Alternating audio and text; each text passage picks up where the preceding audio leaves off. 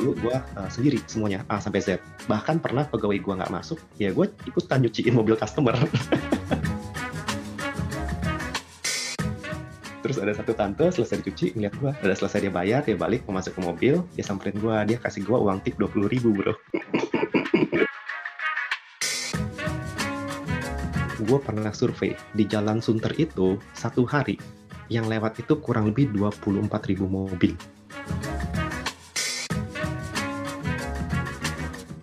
Lu ya kurang ajar. Hmm, gue ngundang kok kurang ajar gitu kan.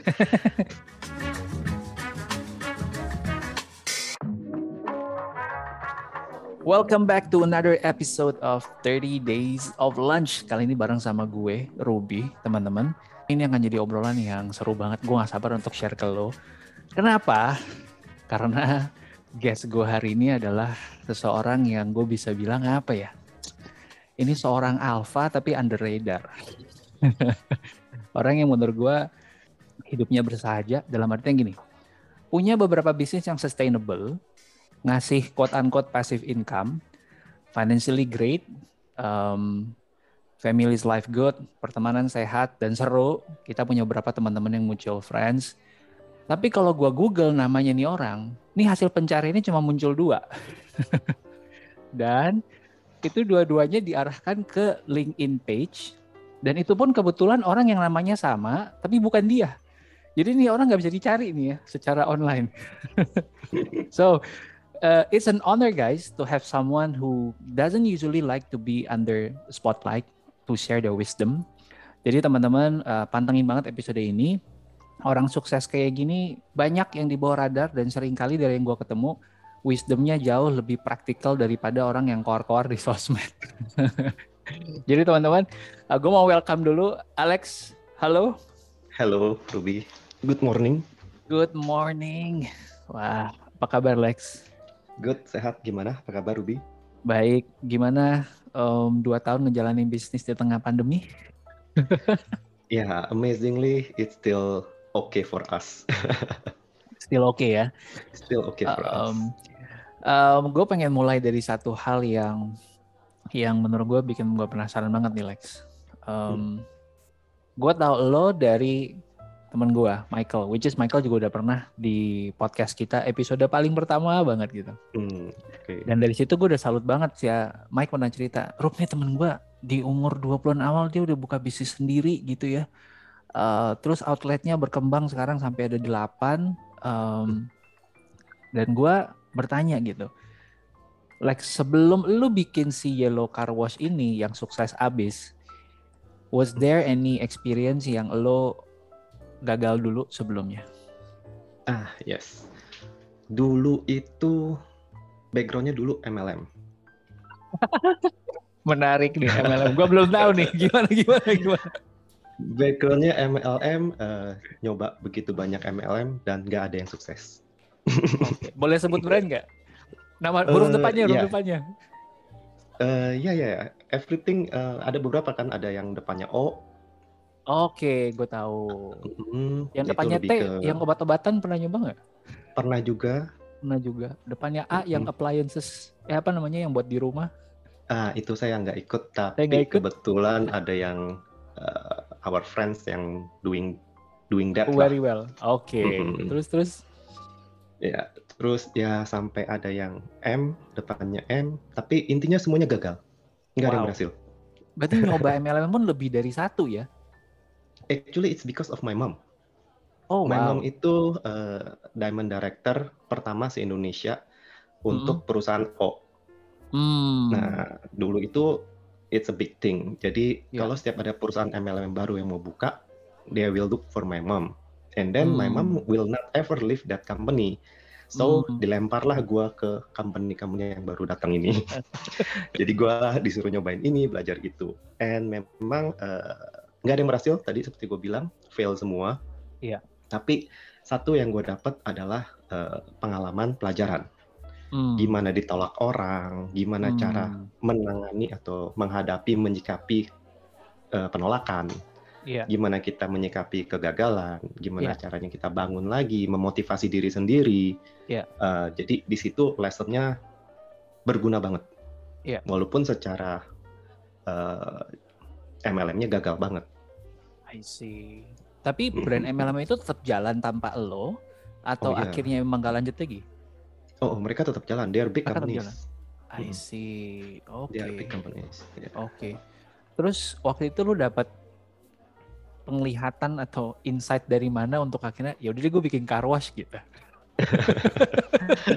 yeah, Karena kan so, uh, cuci mobil mm -hmm. tuh ibaratnya bukan sebuah bisnis yang orang lihat seksi gitu kan. Mm -hmm. True, mm -hmm. that's true. Mm. Jadi awalnya dulu itu karena ya namanya MLM pasti sering banget ikut seminar sana sini. Yeah. Dan banyak sekali dari seminar itu yang kita bisa ambil positifnya. Kayak ya. contoh yeah. yang salah satu yang gue inget adalah ajarannya begini. Hmm, kita kalau mau bisnis itu jangan lihat produknya, jangan mikirin konsepnya dulu. Yang hmm. dipikirin awal adalah marketnya. Hmm. So the example at that time adalah gini, anggap lu punya satu produk, yaitu yeah. um, surfing board. Hmm. Surfboardnya ini keren banget, dia yeah. very light, bisa ini, bisa itu, teknologinya bagus dan dia sangat stabil. Yeah. Tapi lu jualannya di Mesir, percuma it's not gonna uh, turn to sales lah. Iya, iya. Nah, iya. nah, jadi balik lagi kita lihat dulu marketnya siapa, baru iya. kita yeah. pikirin produk dan konsepnya. Hmm. Nah dari situ baru kepikiran, oke, okay, um, gue mau bisnis ah, bisnis apa ya? Hmm. Dicari bukan konsepnya dulu, bukan bisnisnya apa dulu, tapi marketnya dulu. Hmm. Nah di situ gue ngeliat ah, zaman itu 2007 ya apa ya yang banyak marketnya gue lihat mobil di jalan nggak ada habisnya nih dari jam 6 pagi sampai 6 malam sampai 6 pagi lagi ada aja mobil di jalan kan ya, bahkan ya. zaman itu udah jam 2 jam 3 jam 4 ya ada aja mobil ini kita bicara nah. di Jakarta tapi ya bro ya spesifik di Jakarta di Jakarta ya oke okay, oke okay. mm -mm. mm. nah jadi dari situ oke okay, gimana kita masuk ke market otomotif kan luas tuh ada aksesoris, modifikasi, pang, uh, barrier to entry-nya adalah car wash. Very easy, syaratnya gampang, tinggal cari tempat, pinggir jalan, banyak mobil lewat. hmm. Itu syarat utama. At that time, that's what I thought. Hmm. Sampai kita buka. Pertama di Tanjung Duren, sukses. Habis itu kita buka cabang kedua, sukses. Ketiga, hmm, ketiga masih sukses. Keempat gagal.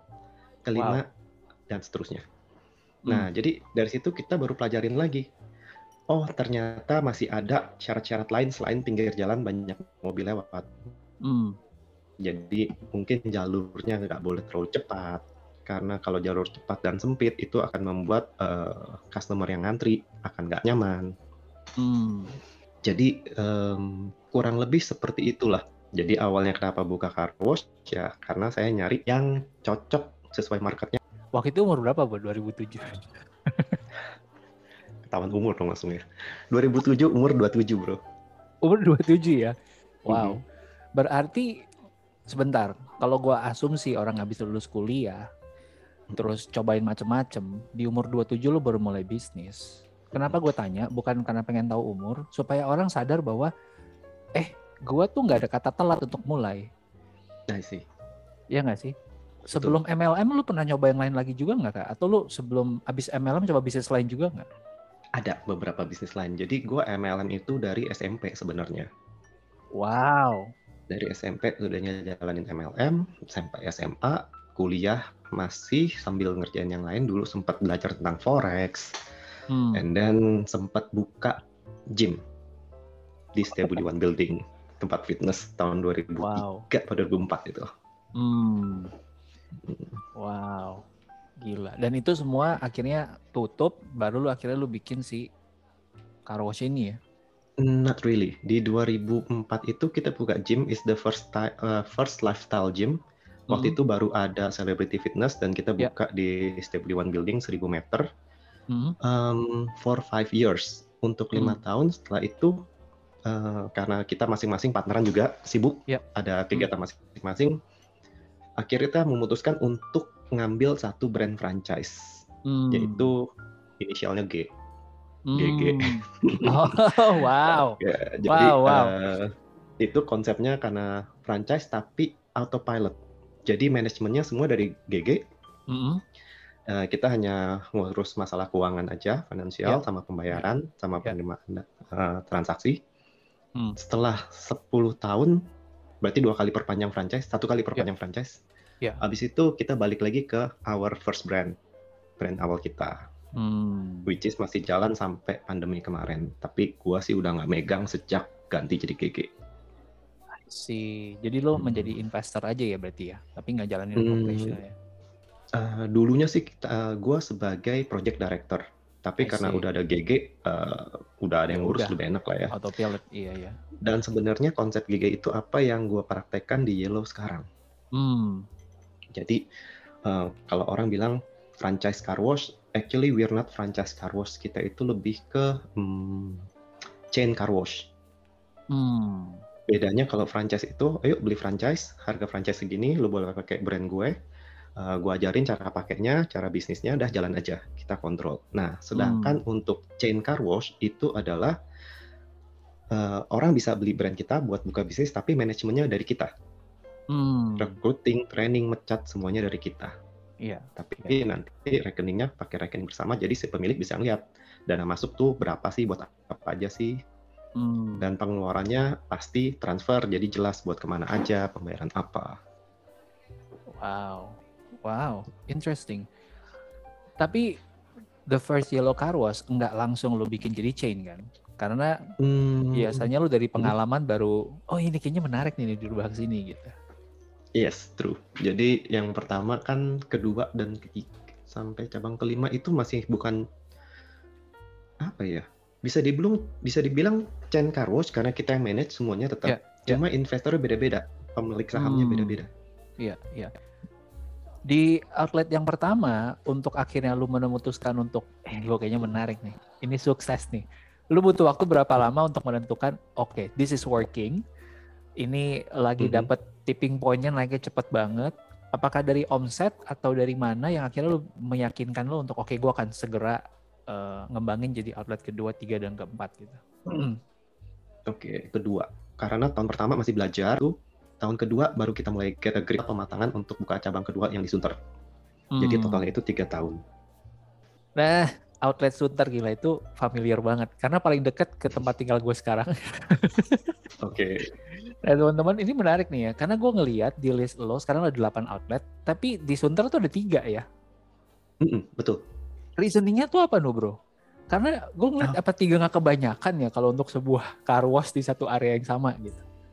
Mm -hmm ini sesuatu yang menarik yang kita pelajarin along the way sambil ya. perjalanan. Yeah. Yeah. Dulu waktu kita buka, kadang tuh ada udah ada existing car wash di sana, mereka ngerasa, ih saingan nih, ada buka nih depan kita nih. Hmm.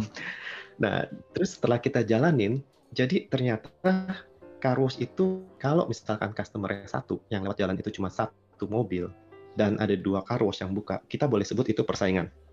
Hmm. Untuk uh, your information, gue pernah survei di Jalan Sunter itu satu hari yang lewat itu kurang lebih 24 ribu mobil wow. in one day.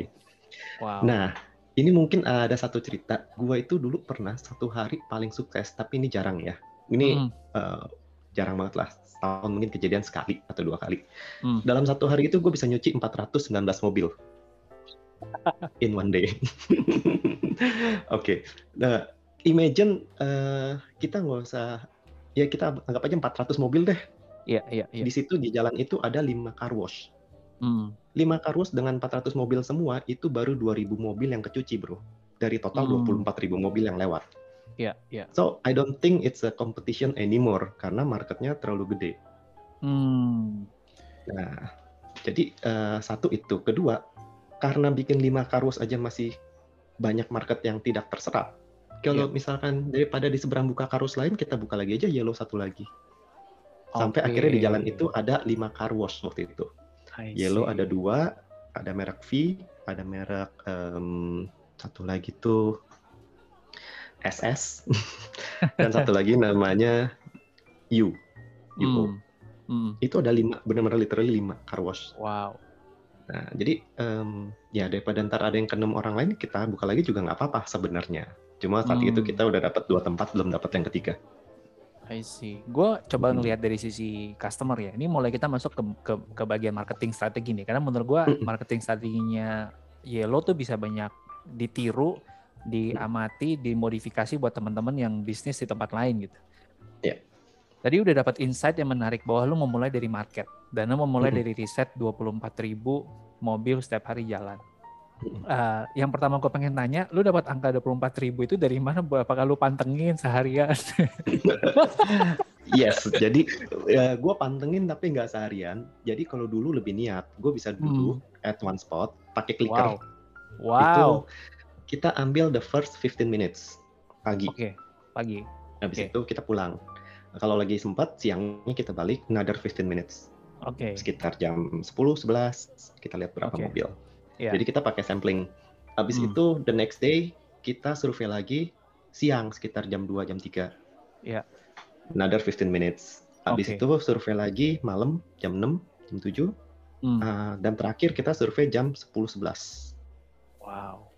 Nah, kalau dulu memang niat banget, tapi kalau sekarang karena kita sudah tahu the pattern, ya. kita sekarang ngambilnya per 5 menit cukup, yang penting jamnya tepat, jam berapa aja. I see. Dulu wow. itu pertama kali buka car wash ya, kita survei hmm. ke car wash car wash yang di belakangnya Taman Anggrek. Uh-uh. yang arah-arah Binus sana belakang tuh ya. Uh-uh. Mereka banyak car wash 24 jam, Bro. Satu jalan bisa ada dua atau tiga itu. Wow. Dan mereka sampai jam 2 pagi masih ada customer. Tapi begitu hmm. udah nyentuh jam 3 jam 4 ya kosong lah ya, baru ada lagi jam hmm. 6 pagi. Hmm. Nah, jadi uh, kita survei dari situ, kita coba nyari angkanya dapatnya 24 ribu itu dari mana tiap jalan beda ya. Jadi yeah. Sunter memang ramai sekali. Hmm, hmm. Ya.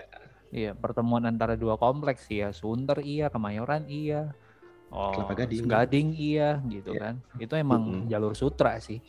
Betul. Iya, iya, iya. Nah, next question gue adalah uh, dari sisi gue customer kan, gue bisa mulai paham sih kenapa lu akhirnya punya tiga outlet. Karena kalau gue lagi ngelihat lewatin jalan gue mau cuci, terus gue ngeliat, ih mobilnya udah antriannya empat, gue cari yang lain betul. karena gue malas ngantri.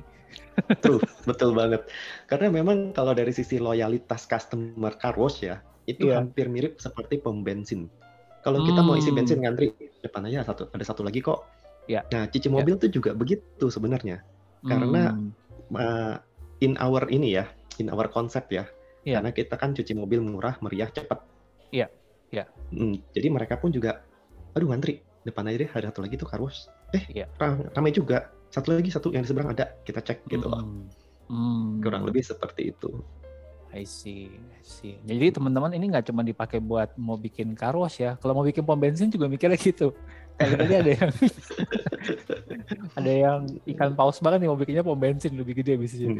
Um, nah jadi itu satu hal yang menurut gue menarik. Um, tapi berikutnya adalah um, ini kan gue ngelihat nih ya, lo lagi mau punya misi baru nih, which is opening 80 outlet ya. Visi misinya begitu. Visi misinya 80.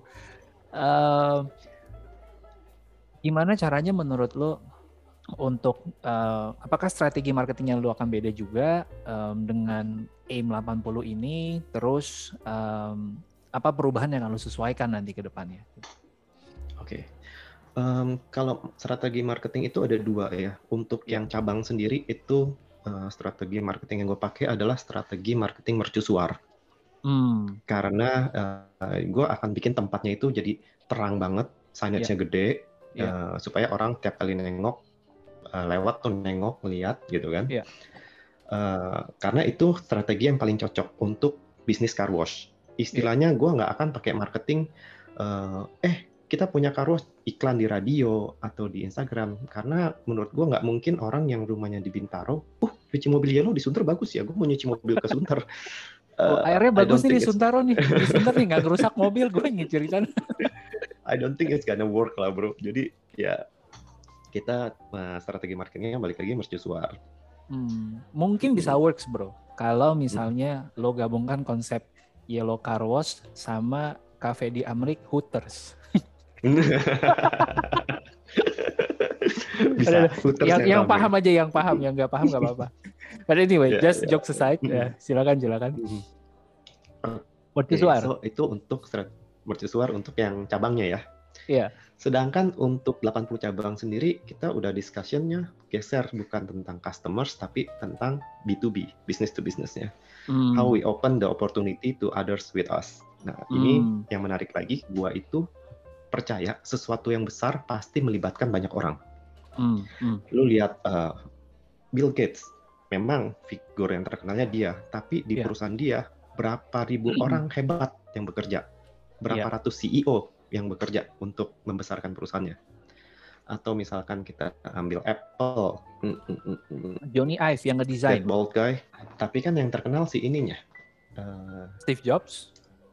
Steve Jobs. Nah, tapi sebenarnya di perusahaan itu, gue yakin banyak sekali orang-orang bagusnya yang mikirin tentang konsepnya, tentang detailnya, back end, front end, and so on. Nah, jadi dari sisi itu gue juga percaya kalau Yellow mau besar, gue harus melibatkan banyak orang.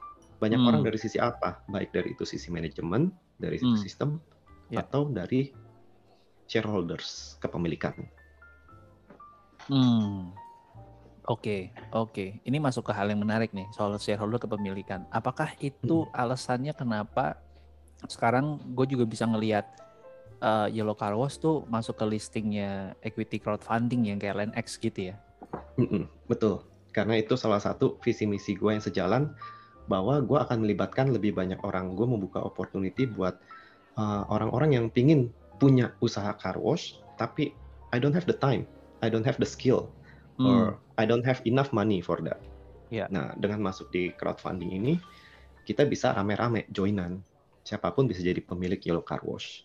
I see. Ini relate nggak sih sama cerita yang lu awal-awal bikin outlet ke satu jadi kedua ketiga gitu? Karena banyak uh, teman-teman lu yang gue yakin juga nyenggol-nyenggol terus kayak, eh gue mau dong ikutan gitu ya. yeah, it's very very relatable karena itu di mana pertama kali gue disadarkan bahwa rame-rame itu lebih enak. Jadi dulu kan pertama kali buka karu sendiri, literally sendiri. Gue buka yeah. iseng yeah. after satu setengah dua bulan, everything doing okay. Gue baru hmm. mulai ajak temen datang dong gue bu baru buka karwas nyobain tempat gue hmm. nah, terus kan mereka datang terus oh lu ya kurang ajar hm? gue ngundang kok kurang ajar gitu kan iya lu buka bisnis nggak ajak-ajak oke oke lu mau ikut iya gue ikutan dong ya udah gue ikut masuk ya sekian persen oke okay, gak ada hmm. nah, hmm. akhirnya dia ikutan after that dia talk to my other friend and then this friend juga call me lu kurang ajar ya again kurang ajar lagi bro iya salah gue di mana sih iya lu ajak sih ya tapi kok lu ajak gue oh lu Aduh. mau ikutan juga iya gue juga masuk ya sekian sampai at that time hmm. saham gue mengecil down to hmm. like 40% Iya, ya. Tapi gue lihat kok duit gue balik banyak nih. Hmm, 40% persen nah, tapi secara nominal sama kayak waktu lu 100%. Mm -mm. Uh, bukan, okay. duit gue yang modal gue awal balik Ah, I see. Nah, Oke. Okay. duitku banyak lagi ya. Oh, duitnya dibalikin, hmm. dibeli sahamnya teman-teman. Dari situ gue hmm. sadar, oke, okay, misalkan kayak my latest project itu total project kan 10 m something. Yeah. Asumsi gue punya uang 10 m, gue cuma yeah. bisa buka satu cabang and that's it. Uh, hmm. That's all. Tapi kalau misalkan gue, misalkan dengan uang 10 m yang sama, tapi gue masuk tiap cabang 20% aja, which gue bisa buka 5 cabang. Nah, hmm. Nah, bisa dana rame-rame ya Betul, joinan sama-sama. Hmm, nah, hmm. dengan konsep yang lima cabang tadi, uh, brand gue akan lebih terkenal, dikenal oleh masyarakat. Karena yes. people pada umumnya akan lebih senang dengan sesuatu yang mereka familiar. Betul. Kalau mereka lihat, oh, gue familiar with this brand, uh, ya udah gue lebih pilih ke sini aja. Gitu. Hmm. Hmm. Jadi, so I think it's good for my brand. That's why, oke, okay, itu awalnya gue disadarkan bahwa, hmm, enak juga rame-rame. Setelah hmm. along the way, after belasan tahun, uh, hadirlah konsep zaman sekarang yeah. yang bisa namanya sebut crowdfunding dan kebetulan uh, kita kenal dengan LandX juga konsepnya menarik makanya sesuai dengan visi misi awal oke okay lah kita masuk listing di LandX I see. Ini menarik banget nih teman-teman. Gue juga ngalamin hal yang sama soalnya. Jadi gini, sering kali teman-teman ketika kita buka bisnis gitu ya, dan itu running well, um, banyak orang tuh yang pengen terlibat tapi nggak punya kesempatannya. Karena pilihan untuk bisa invest itu rata-rata ya, ya lu carilah company yang udah IPO gitu kan. Makanya rame orang invest di saham gitu. Tapi maksud gue invest di saham itu kan lu uh, lu nggak punya kedekatan langsung kenal sama ownernya, lu nggak punya kedekatan langsung sama bisnisnya bisa ngeliat operational day to day gimana, bahkan kita pun ketika ngebaca disajikan financial planning eh financial reportnya mereka bisa jadi di situ ada ada apa ya ada financial engineering dari orang-orang tertentu supaya terlihat menarik gitu kan hmm, kitanya yang hmm, harus hmm. pintar untuk ngebaca di balik angka-angka itu ada cerita apa sih sebenarnya yang tersembunyi yeah. nah tapi invest di private company ini menurut gue jadi sesuatu yang menarik yang dimudahkan karena adanya platform KLNX. Mm-hmm. Um, gue ingat banget waktu gue jalanin satu bisnis yang lumayan berhasil, ya sama banyak orang yang pengen ngebantu gitu. Dan gue juga sempat riset ini lumayan lama kenapa sih ini jadi menarik? Kenapa sih ini jadi bagus? Apakah ini secara jangka panjang akan ngasih benefit yang lebih gede daripada hmm. uh, eh, gue main sendiri? Gitu. Dan gue ngambil sampel akhirnya jadi dari bisnis apa namanya uh, satu klub sepak bola uh, Real Madrid kalau nggak salah ya teman-teman itu ownershipnya di di share dibuka ke fans-fansnya mereka gitu jadi hmm, fansnya bisa yeah. memiliki uh, klub sepak bolanya. Menurut gue itu salah satu alasan kenapa mereka jadi die hard fans banget gitu. Betul. Atau kayak uh, satu brand bir yang gue suka dari UK. Di situ mereka itu uh, waktu mau ngegedein, mereka memilih untuk mem memberikan kesempatan kepada fans uh, birnya mereka untuk uh, punya ownership di perusahaannya instead of mereka cari funding dari konvensional kayak bank gitu ya. Mhm. Nah, in exchange Eh, fans-fans uh, ini yang udah kasih dana buat ngembangin bisnisnya dikasih jatah berapa banyak bir setahun gitu mereka bisa konsumsi buat gratis. Yeah. Um, jadi teman-teman menurut gue ini satu hal yang bagus banget karena kita jadi punya ambasador berjalan ke mana pun. yang, ambasador yang, yang banyak. ambasadornya banyak banget gitu kan. Gue kebayang ya misalkan ya ini gue open apa adanya aja. One of the reason kenapa gue uh, tertarik ngobrol sama uh, Alex hari ini adalah um, ada satu obrolan yang lucu di WA dia reach out berapa hari yang lalu terus gue bilang gue baru aja mau nge-text lo tapi gue belum nge-text um, terus gue kasih screenshot gue udah invest nih di Line X gitu kan sekian lot ya uh, dan dan itu ya, gue udah udah udah siap untuk bilang kayak uh, Eh, gue juga pengguna gitu. Salah satu alasan hmm. kenapa gue berani untuk invest di uh, Yellow adalah gue udah bolak-balik nyuci di situ terus. Gue tau produknya bagus, servisnya bagus, um, dan gue ceritain ke orang-orang gitu. Right? Imagine kalau let's say ada seribu orang yang invest di Yellow Car Wash di Line X, terus nggak usah banyak-banyak deh dari seribu itu uh, sepuluh aja yang influencer yang followersnya banyak, beh pecah tuh ya gak sih? Betul betul betul. Ya ya ya. Salah satunya Mr. Ruby oh enggak lah enggak. Gue gue gak terlalu banyak. Tapi even tanpa itu pun gue yakin seribu orang ini kalau dia dengan word of mouth gitu ya saat orang cerita ke dua orang seribu udah jadi dua ribu. Ya enggak? Nah, gitu. Jadi uh, that's why I believe in that. But uh, itu intro yang panjang banget. Cuman untuk mau nanya ini kenapa lu nggak ke bank? Oke, kenapa gua nggak ke bank? Hmm, Karena orang ya pasti akan nanya kan, lu kan tahu hitungannya, lu tahu ini juga akan cuan, dan lu udah kuasai bisnisnya. Kalau make sense, why not lu nggak nyari pendanaan di bank gitu? Hmm. Um, bank sih ada beberapa proposal yang masuk, cuma um, I think bank is something yang sebentar lagi atau mulai sudah mulai out of date. Sekarang ini konsepnya hmm. sudah lebih ke uh, people power, ekonomi kemasyarakatan, duit rame-rame. Hmm. Sharing Jadi, ekonomi. Iya, kalau misalkan pakai bank satu yang tadi, kedua bunganya juga sangat memberatkan ya sekarang ya. I see. Hmm. Jadi bunga yang sama mendingan lu bagi-bagi ke seribu orang ini gitu. hmm, ya. Tapi soal si bank ini sih, menurut gua hmm, apa ya? ada bedanya antara lo sourcing dana dalam bentuk utang kan kalau bank. Betul. Tapi kalau Linex ini kan lo bentuknya adalah ownership atau equity. Betul. Apakah itu juga salah satu alasannya, bro? Uh, justru itu salah satu alasan utamanya. Hmm. Karena kalau misalkan kita dengan ownership rame-rame, yang tadi misalkan Ruby bilang, lu bilang ambasadornya banyak. I don't have that in banks. with banks gue nggak dapat itu sama sekali gue nggak dapat word of mouth gue nggak dapat storytelling dari teman-teman di bank yeah. Yeah. jadi uh, itu sangat bedanya jauh sekali hmm. dari impact bisnisnya hmm. baik dari brandingnya dari hmm. loyalitasnya hmm. kalau hmm. dari bank duitnya dari bank gue harus mencari loyalitas dengan cara konvensional hmm. tapi dengan uh, joinan rame-rame gue bisa mendapatkan loyalitas dengan cara yang uh, perasaan memiliki Hmm. hmm. Bakal possible nggak sih? Maksudnya uh, si owner-owner yang owner lagi, ya bener juga ya, part owner ya, owner. kalau orang yang invest yes. ya. Uh, mungkin ke depannya bakal ada privilege khusus gitu buat mereka.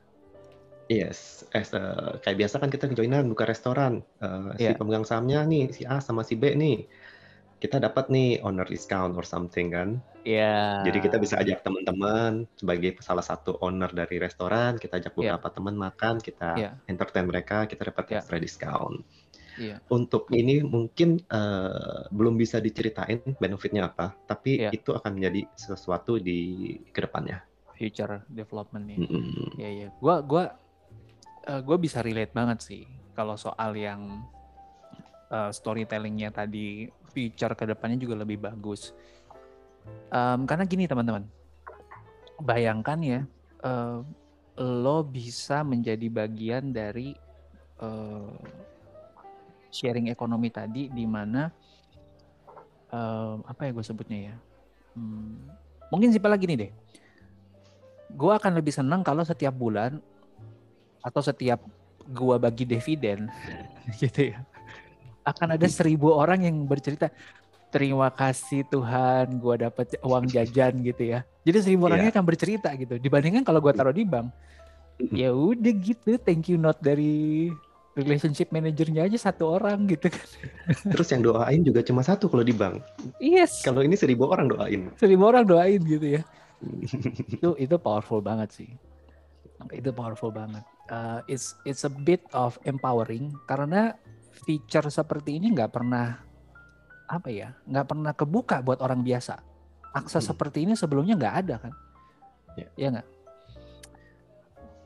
Interesting gua gua pengen gali sedikit bagian ini jadi teman-teman ingat tadi gue cerita gue WA uh, eh, kita ngobrol sama uh, Bro Alex lewat WA terus waktu gue kasih tahu gue juga invest jawabannya adalah you are officially my boss now yes yes yes dan ini menurut gue menarik nih. Why? Why did you say so? Okay. Semua yang put their money in my company, they are my investors, right? Hmm. My hmm. investor is literally my boss. so tomorrow uh, kayak my managers, mereka tahu, hmm. mereka juga taruh duit di sini. Besok kalau gue datang ke cabang, biasanya ketemu manajer gue, besok gue panggil dia bos saya. cangli, cangli, cangli. Iya iya iya iya. Ya. Um, di satu sisi, yes, uh, kita bisa empowering ribuan orang dengan membuka akses buat mereka untuk bisa terlibat dalam sebuah bisnis yang growing, right? Uh, dengan segala financial benefitnya, dengan segala ownershipnya, lo bisa punya pride-nya juga. But lo sebagai uh, apa ya, sebagai orang yang menginisiasi ya, se project ownernya gitu. Hmm gimana caranya lo tidur nyenyak bro malam-malam dengan punya seribu orang yang lo harus bertanggung jawab misalnya gitu kan. Okay. Uh, buat gue it's a pressure loh gitu dan iya. nggak semua orang punya kapasitas untuk bisa nampung itu. Oke, okay. so uh, here's the different about the latest project dengan sebelumnya. Yeah. Sebelumnya ini semua cabang Yellow Karus kita sewa. Hmm. Nah, untuk yang di listing kali ini kita tanahnya beli. Hmm. Nah dari sini uh, kenapa gue dari dulu mau listing tapi nggak pernah listing karena gue belum dapat lokasi yang tanahnya bagus untuk gue beli. Kenapa gue insist buat beli? Karena gue yeah. mau jadikan itu suatu jaminan leverage untuk si investor. Kalau amit-amit bisnisnya nggak jalan, yeah. after few years harga tanahnya yeah. naik. Hmm. Nah jadi pertanggungjawaban gue ke seribu orang lebih itu, kalau sampai bisnisnya gagal, kita masih punya tanah yang akan kita jual dan hasilnya akan dikembalikan ke semua pemegang saham. Karena hmm. tanah yang dibeli ini atas nama PT. I see. Dan semua investor atau shareholder kita terdaftar di PT kita. Jadi mereka memiliki hak atas bagian tanah ini sesuai saham porsi saham masing-masing. I see. Wow. Nah, itu yang bikin gue bisa tidur nyenyak, bro. Jadi buat buat plan ke depan nih yang yang rencananya mau 80 outlet, uh, gamenya juga akan seperti itu ya. Kalau bisa setiap um, outlet juga lu akan usahakan uh, punya propertinya juga gitu. Uh, yes and no. Dari kata yesnya adalah um, kita mau tetap ada yang beli karena ini yeah. belajar dari pelajaran McDonald's yang mereka yeah. lakukan di US dulu. Mm-hmm. Yang kedua kita tetap menjalankan yang sewa tapi dengan beberapa notes. Untuk sewa satu lokasinya harus definitely prime. Kedua yeah. harganya murah jadi yeah. Uh, kita bisa memastikan performance cabangnya itu lebih uh, optimis. Mm. Nah, tapi hmm. kita tetap fokusnya uh, pinginnya sih beli terus supaya asetnya terus bertambah. Iya, iya, iya, iya. Um, teman-teman itu sebenarnya salah satu alasan gue waktu buka prospektusnya Yellow Car Wash ya. Terus gue baca gitu. Uh, kan dibikinin hitungan ya. Oh ini untuk pembelian aset begini, untuk setup pertama kali begini, terus untuk gaji segala macam dibuat estimasinya setiap bulan berapa gitu. Terus gue ngeliat luar biasa nih orang pinter ya. Karena cost terbesarnya itu beli tanahnya sebenarnya. Betul. Dan dari sisi investor pun gue tanpa lu ceritain barusan ya, gue yang membaca itu, oke, okay, gue paham nih dia lagi mau ngapain.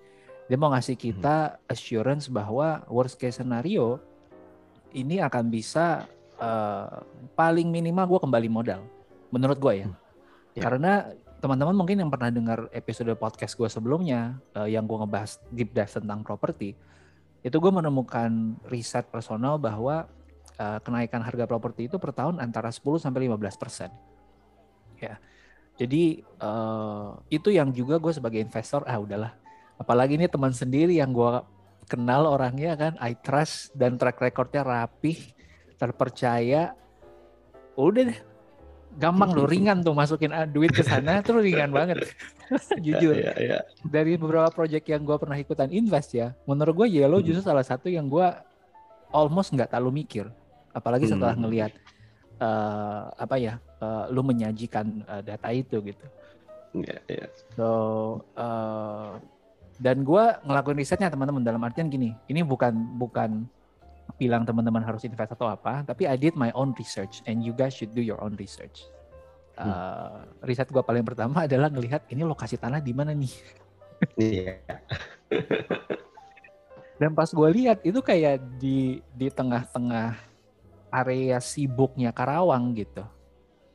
Ya. Iya nggak sih? It sebelahnya di rumah sakit, sebelahnya ada uh, area kantor, ada segala macam. Mm -hmm. um, lo gimana akhirnya bisa dapat that piece of land, Lex? Um, dikenalin temen ke salah satu uh, salah satu developer di sana lah.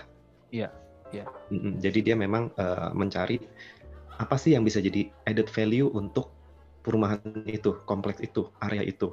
Uh, mereka banyak sekali udah ada rumah sakit beberapa, ada McDonald's, ada yeah. abnormal, ada Hotel Mercure, ada mallnya wow. tiga nyambung semua pakai wow. uh, Skybridge, udah kayak Kelapa wow. Gading. Hmm. Dia udah ada Starbucks and you name any fast food you can think of, semua ada di sana. Hmm. Pizza Hut and so on. Jadi mereka mencari apa lagi ya yang kita belum ada. Nah, ternyata hmm. car wash itu sudah menjadi suatu kebutuhan belakangan ini yeah. for the past few yeah. years. Karena orang perlu untuk cuci mobil. Nah, ini fasilitas yang di perumahan itu belum ada. Mm. Nah, mm. karena itu kita bisa dapat satu lokasi yang oke okay banget. Uh, di jalan itu ada Al Azhar, sekolah dengan 1.800 murid. Terus yeah. uh, wow. banyak, semuanya udah lengkap. Dan yang menarik, ini kita dapat harganya harga COVID. Wow. Wow. Oke, okay, ntar malam top up lagi. gitu. Uh, interesting. Hmm. Oke, hmm. oke. Okay, okay. Oke, okay, gue gue pengen uh, mungkin ngebahas itu udah udah cukup ya. Gue ngerasa kayaknya uh, sebagai sebuah uh, model bisnis yang baru juga uh, dengan crowdfunding. Uh, personally teman-teman kalau lo ngikutin podcast ini kita udah masuk season ketiga episode 80 sekarang Uh, three days offline juga ada pemikiran sih untuk dibikin crowdfunding. Menarik. This time Tapi, I will be your boss, maybe. Boleh. Jadi kita nanti tiap tiga bulan saling mereport satu sama lain ya. um, tapi gue mungkin akan akan ngambil jalur yang sedikit berbeda. Uh, nanti kita bahas deh teman-teman di episode berikutnya. Gue lagi getol banget sama yang namanya NFT, mm -hmm. non fungible token. But uh, we'll get to that. Uh, gue kembali ke uh, lessons learned selama lo jalanin bisnis ini, Lex. Yeah.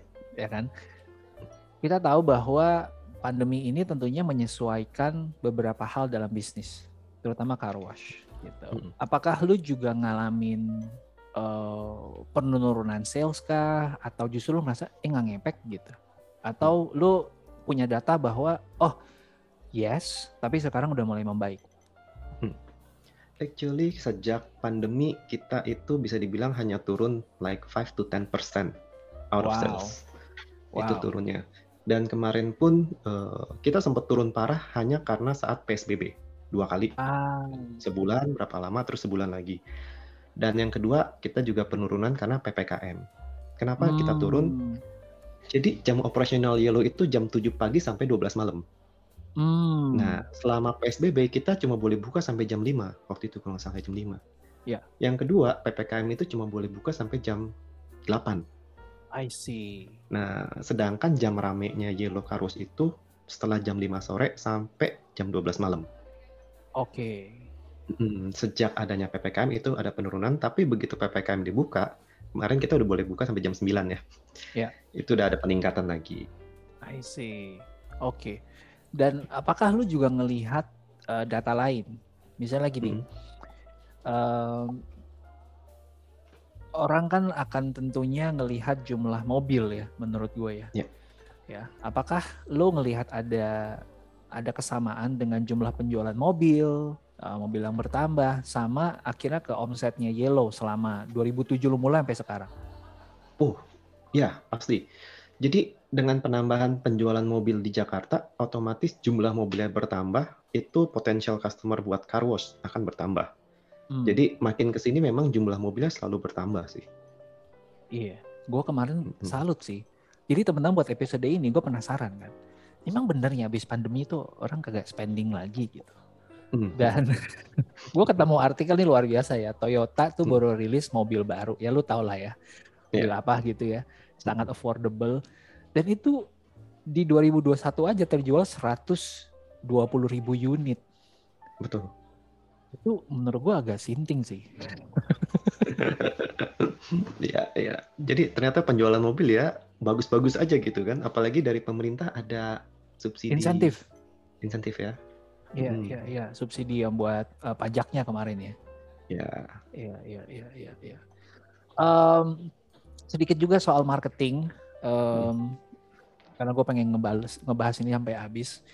Uh, kalau gue ngejalan, kalau gue ngelihat ya, Uh, yang bikin beda dari Yellow Car Wash dan teman-teman bisa tiru di bisnis teman-teman adalah ada sesuatu yang akhirnya jadi jadi pembicaraan. Nah, gue nggak tahu nih apakah mulai dari lo atau mulai dari car wash lain. Yaitu garansi cuci. kalau besok hujan. kalau garansi hujan dalam waktu 24 jam lo bisa balik cuci lagi gitu ya. Mm -mm. Tell me about that. Oke, okay, actually uh, bukan 24 jam. So garansi hujan itu kalau kita elaborate gratis cuci body aja satu kali. Yep. Berlaku sampai esok hari tutup okay. operasional outlet. Oke. Okay. Jadi kalau misalkan hari ini nyucinya jam 11 siang, masih okay. bisa cuci mobil sampai besok jam kalau 24 jam sampai jam 11 siang besok. Oh iya benar. Ini sampai jam 12 malam tutup. Oke. Okay. More than 24 hours. Nah, hmm. itu gratis cuci. Sebenarnya sih kalau dibilang yang pertama, gua nggak berani bilang I'm the first because hmm. I don't have the data. uh, so gua nggak bisa terlalu dengan PD-nya bilang gua yang pertama. Tapi yeah. Iya. uh, secara umum memang tidak belum banyak saat itu yang ada konsep ini hmm. garansi hujan hmm. ini. Iya, yeah. iya. Yeah. Jadi itu adalah fasilitas salah satu yang kita berikan kepada customer Yellow. Hmm. Hmm. Seberapa ngaruh waktu itu bro? Sebelum dan sesudah lu pernah ngecek nggak? Hmm, kalau kita lihat di bulanan, jumlah orang yang memakai garansi hujan itu sekitar 10 sampai 15 persen. Hmm, hmm. Jadi biasa mungkin yang benar-benar bete nih baru nyuci, sorenya hujan. Udahlah nyuci lagi gitu kan, top gratis. Masih mending tuh teman-teman. Kadang-kadang nih ya ngeselin nyuci mobil adalah masuk car wash kondisi cuaca panas. Keluar wash dia mulai gerimis. Itu lebih iya, ngeselin yeah, lagi. Yeah. nah, kalau di Yellow bisa balik lagi tuh. Anytime sampai lagi. besok tutup. Mm -hmm. Iya, iya. Interesting. Dan itu menurut gue satu marketing yang bikin orang jadi ngobrolin sih. Mirip iya. kayak dulu tuh ada, gue nggak tahu masih ada apa enggak ya, seafood apa namanya ya yang rasa bintang 5 harga kaki 5. Ya ya, I know that one. Uh -uh. Dia tuh bikin promosi uh, diskon sesuai umur, kasih KTP. Betul. jadi lu makin tua, lu jadi mulai bawa engkong lu, bawa oma lu, diskon sesuai umur kan? Benar. Um, is it because buat lo lebih karena efek viralitinya orang obrolin atau hmm. lebih karena alasan lain? Tujuan awalnya lebih ke service. Okay. Karena kita tahu BT-nya baru nyuci hujan, kita tahu banget. Yeah.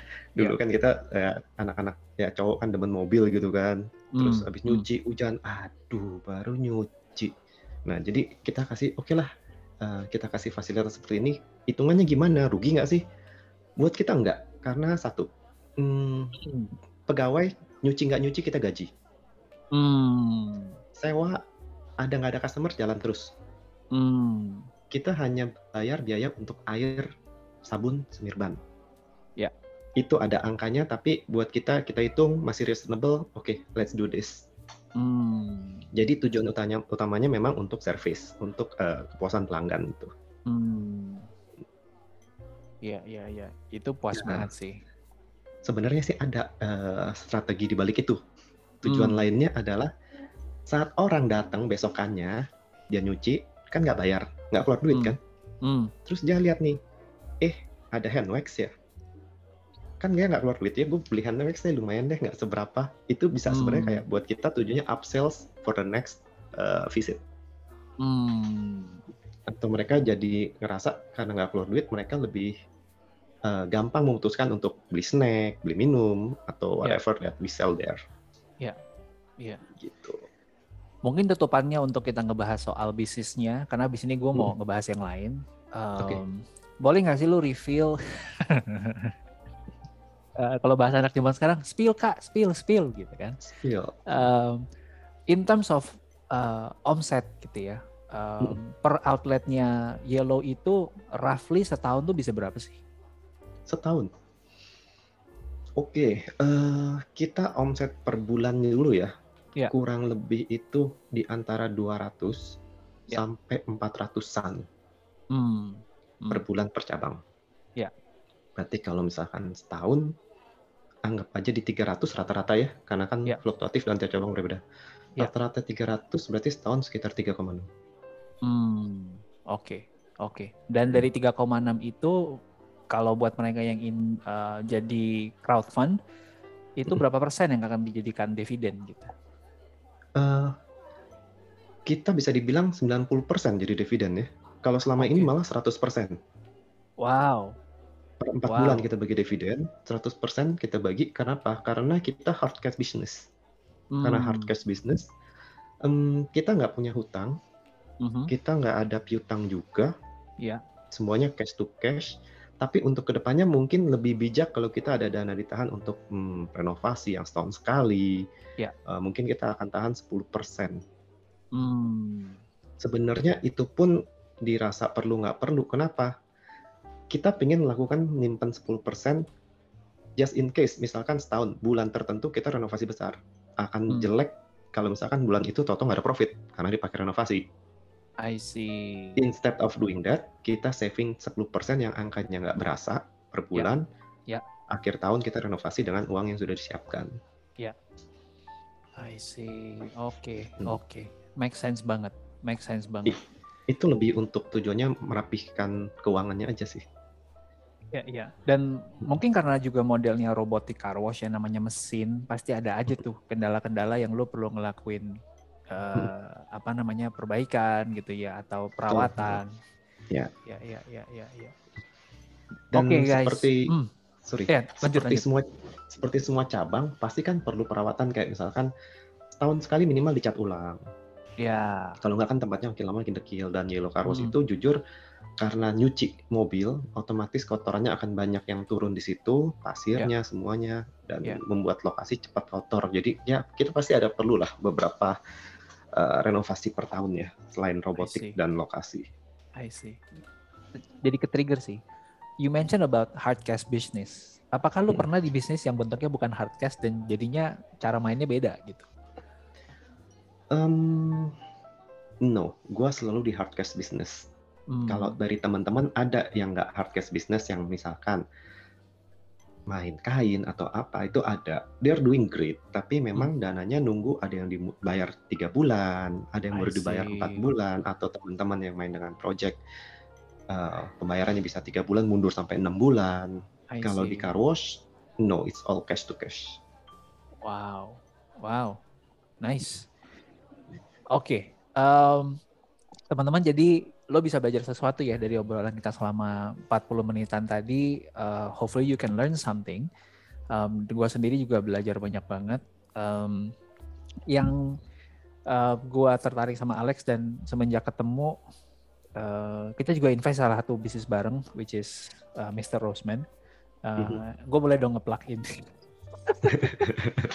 Teman-teman yang doyan kopi dan suka makan kalau pengen sesuatu yang baru ya, cobain deh yeah. nasi gorengnya di Roastman. Beh, gila itu roasted beefnya, beh, mantep, hmm. smoky yes. banget. Uh.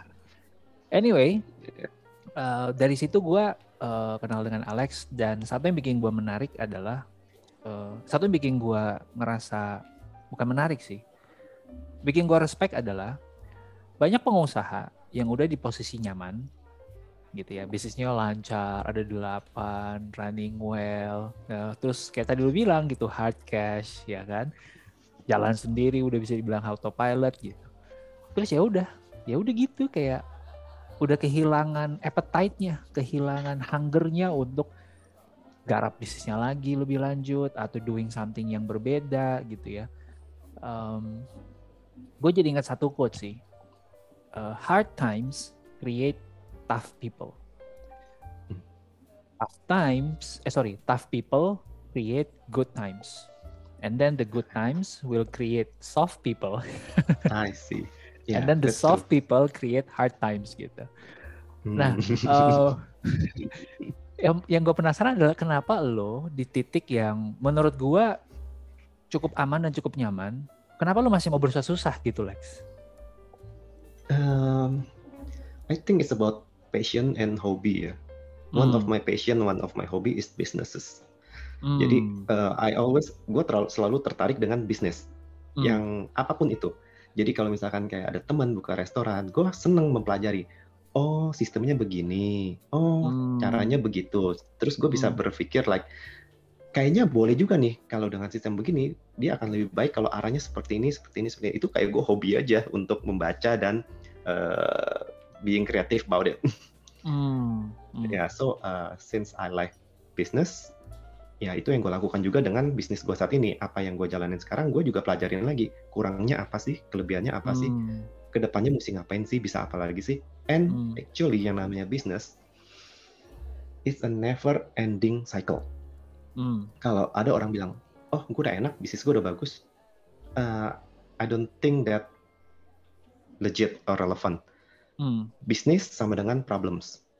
Hmm. Itu udah bisnis sama dengan problems itu udah udah pasti. Yeah. Kalau lu bilang no problems, itu namanya no business. Hmm. Setiap bisnis apa pun pasti ada masalah. Masalah hmm. bisa a good good problem, ada juga yang bad problem. Hmm. Bersyukurlah kalau di bisnis kita itu punyanya good problem. Hmm. Hmm. So uh, ya, yeah, you will never stop at when you're doing business lah. Dan itu malah bikin things jadi exciting buat lu ya. Apa nih yang bisa dimainin nih? Olah apa lagi kita hari ini? Ubah apa lagi? Bikin konsep apa lagi di bisnis yang ya kita lagi run on ya? Nggak ngerasa capek bro kayak gitu bro. Nggak pengen kayak, aduh gue pengen tenang se sebulan gitu atau setahun gitu ya menikmati hasil kerja keras gue gitu. Actually uh, enggak ya, justru kalau doing nothing it's boring man. Mm -hmm justru serunya kalau kita ada sesuatu yang bisa kita urus, kita gedein. Hmm. Hmm. Hmm. Ini bedanya teman-teman ya, mindsetnya seorang pebisnis sejati ya, sama mungkin yang pebisnis tapi masih jiwa sedikit uh, employee. Jadi carinya cari aman. Kalau kalau Alex sih malah nyarinya nyari nyari seru ya, nyari challenge. Gua itu kalau di manajemen, gue selalu cari ya. manajer gue, gue selalu satu ngomong yang gue sampaikan ke mereka. Hmm. Kamu jabatan manajer, Tahu hmm. tugas manajer? Hmm. Manajer itu kerjaannya cari masalah. Hmm? Cari masalah, Pak? Yes. Kamu harus cari masalah, bukan bikin masalah. Dua hal yang berbeda. Jadi kamu manajer itu cari masalah hmm. supaya bisa diselesaikan, bisa kamu yeah. berikan solusinya. Kalau sampai hmm. ketemu masalah nggak punya solusinya, kamu bisa diskusi dengan BOD, dengan head office, management. Yeah. Yeah.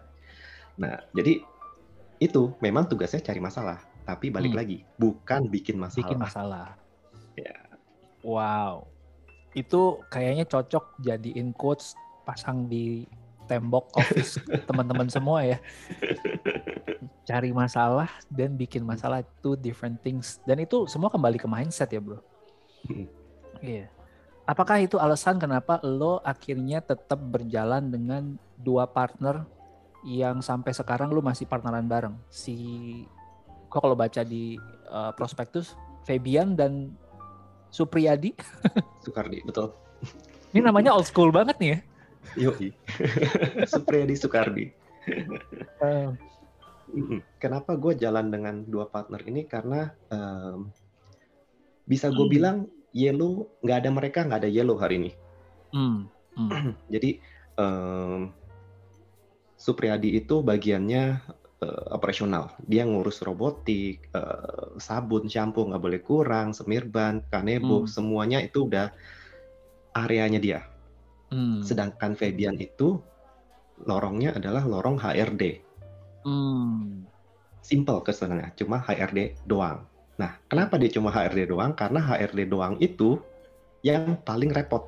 Karena kita kan bisnis karus, bisnis jasa. It's a human resource business lah.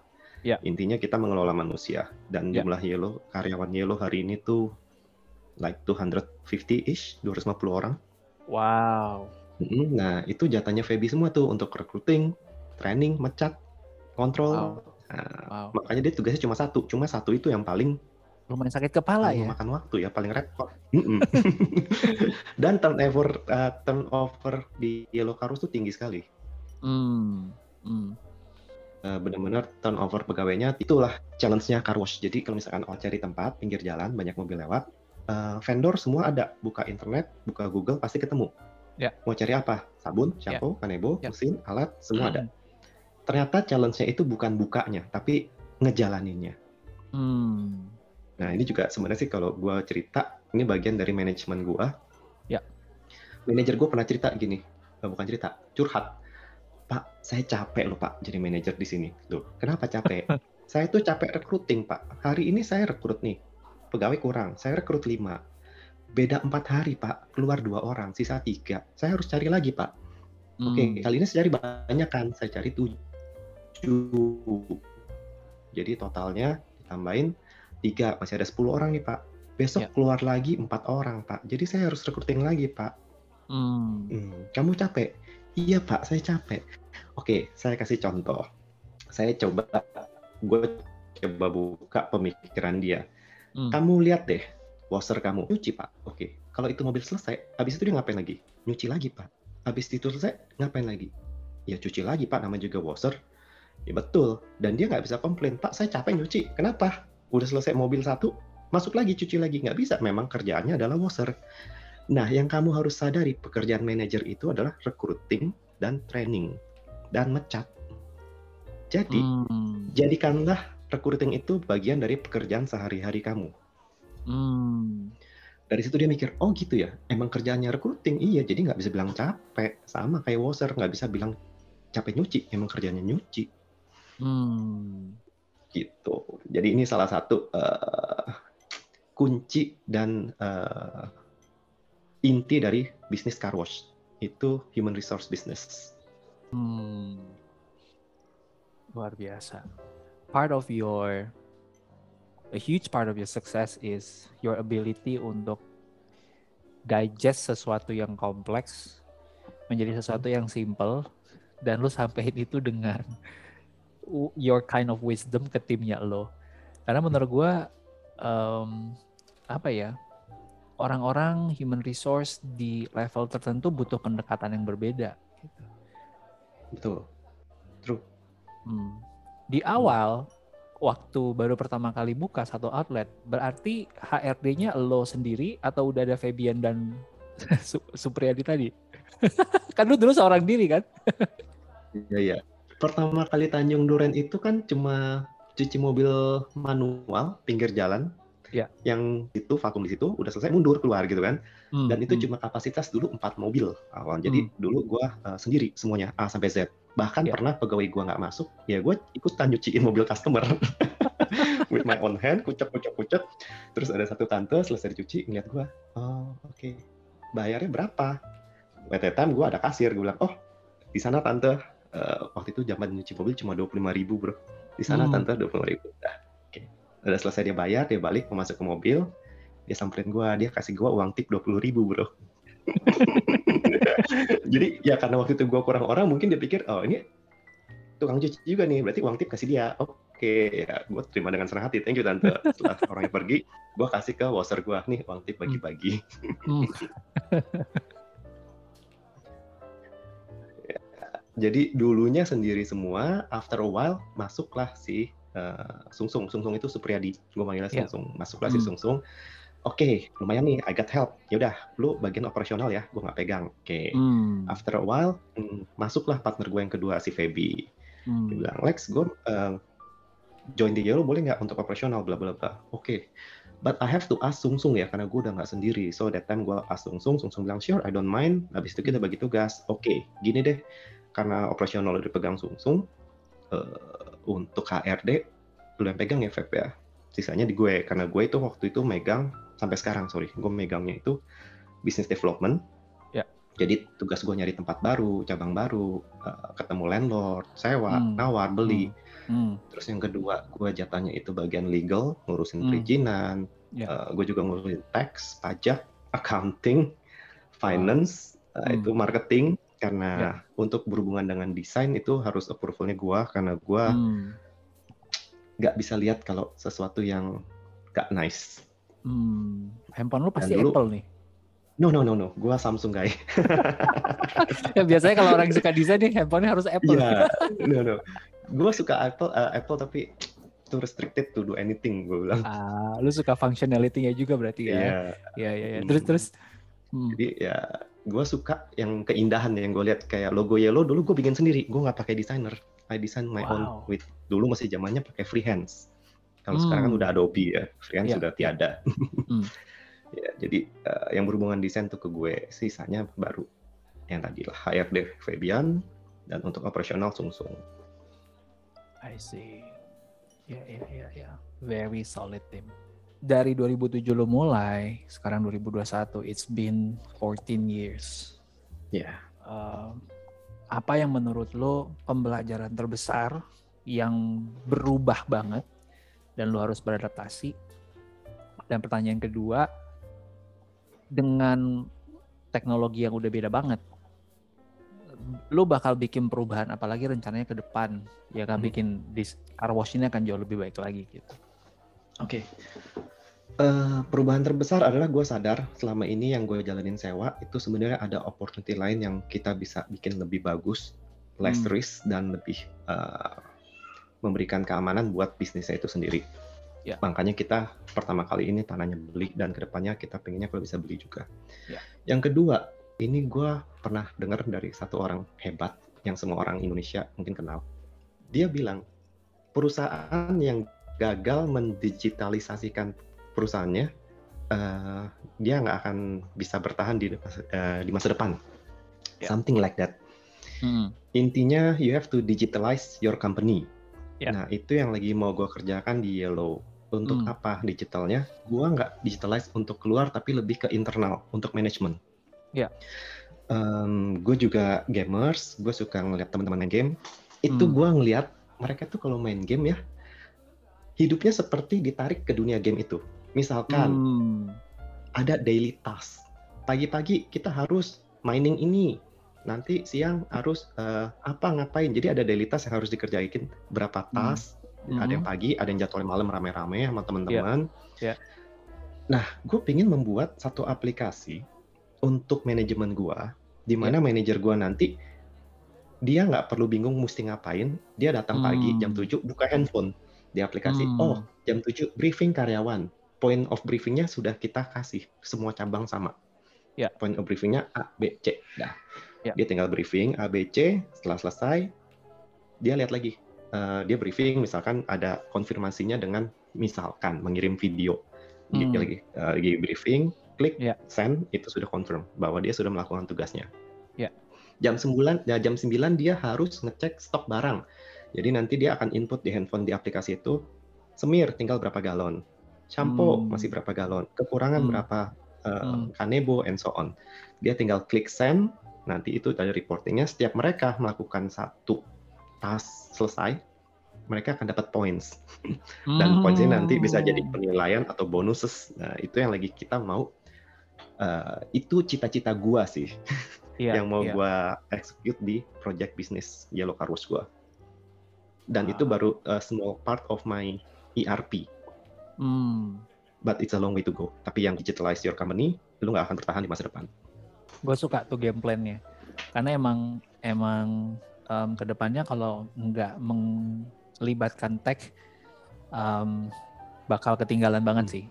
Iya, dan dan gue ngerasa dengan masukin uh, teknologi tadi bakal mempermudah juga lu jadi lebih efektif juga uh, atau bahkan bisa jadi itu solving issue HRD tadi gitu ya satu kepusingan lah diangkat yes. dari dari kesehariannya si Bro Febian ya um, iya. anyway um, ini udah jadi obrolan satu jam yang menurut gue super powerful uh, super insightful. Thank you banget uh, Alex. Um, gue juga belajar banget uh, di sesi ini. Teman-teman kalau dapat sesuatu feel free untuk share ini ke teman-teman lo.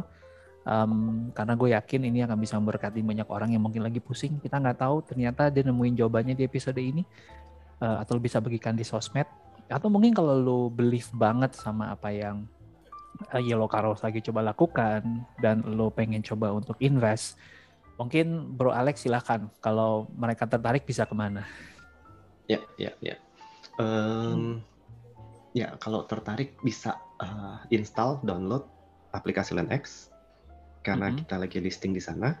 Ya. Hmm, itu yang paling cepat, paling mudah karena tinggal it's a one click away.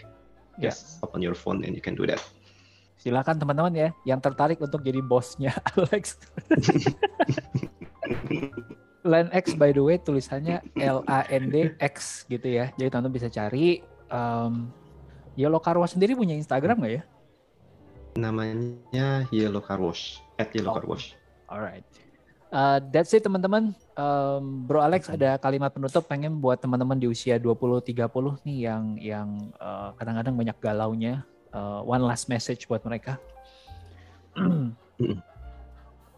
ah, one last message. Oke, okay, kalau misalkan for those who wants to be part of the Yellow Car Wash company, uh, feel mm-hmm. free to join to be my boss di aplikasi LandX. And then uh, ini juga uh, I'm very what honored to talk with you today. Bisa ngobrol sama Ruby. Uh, it's a very good talk today, and I really enjoy this. Yeah, I think that will be all. All right. See you guys at the next lunch.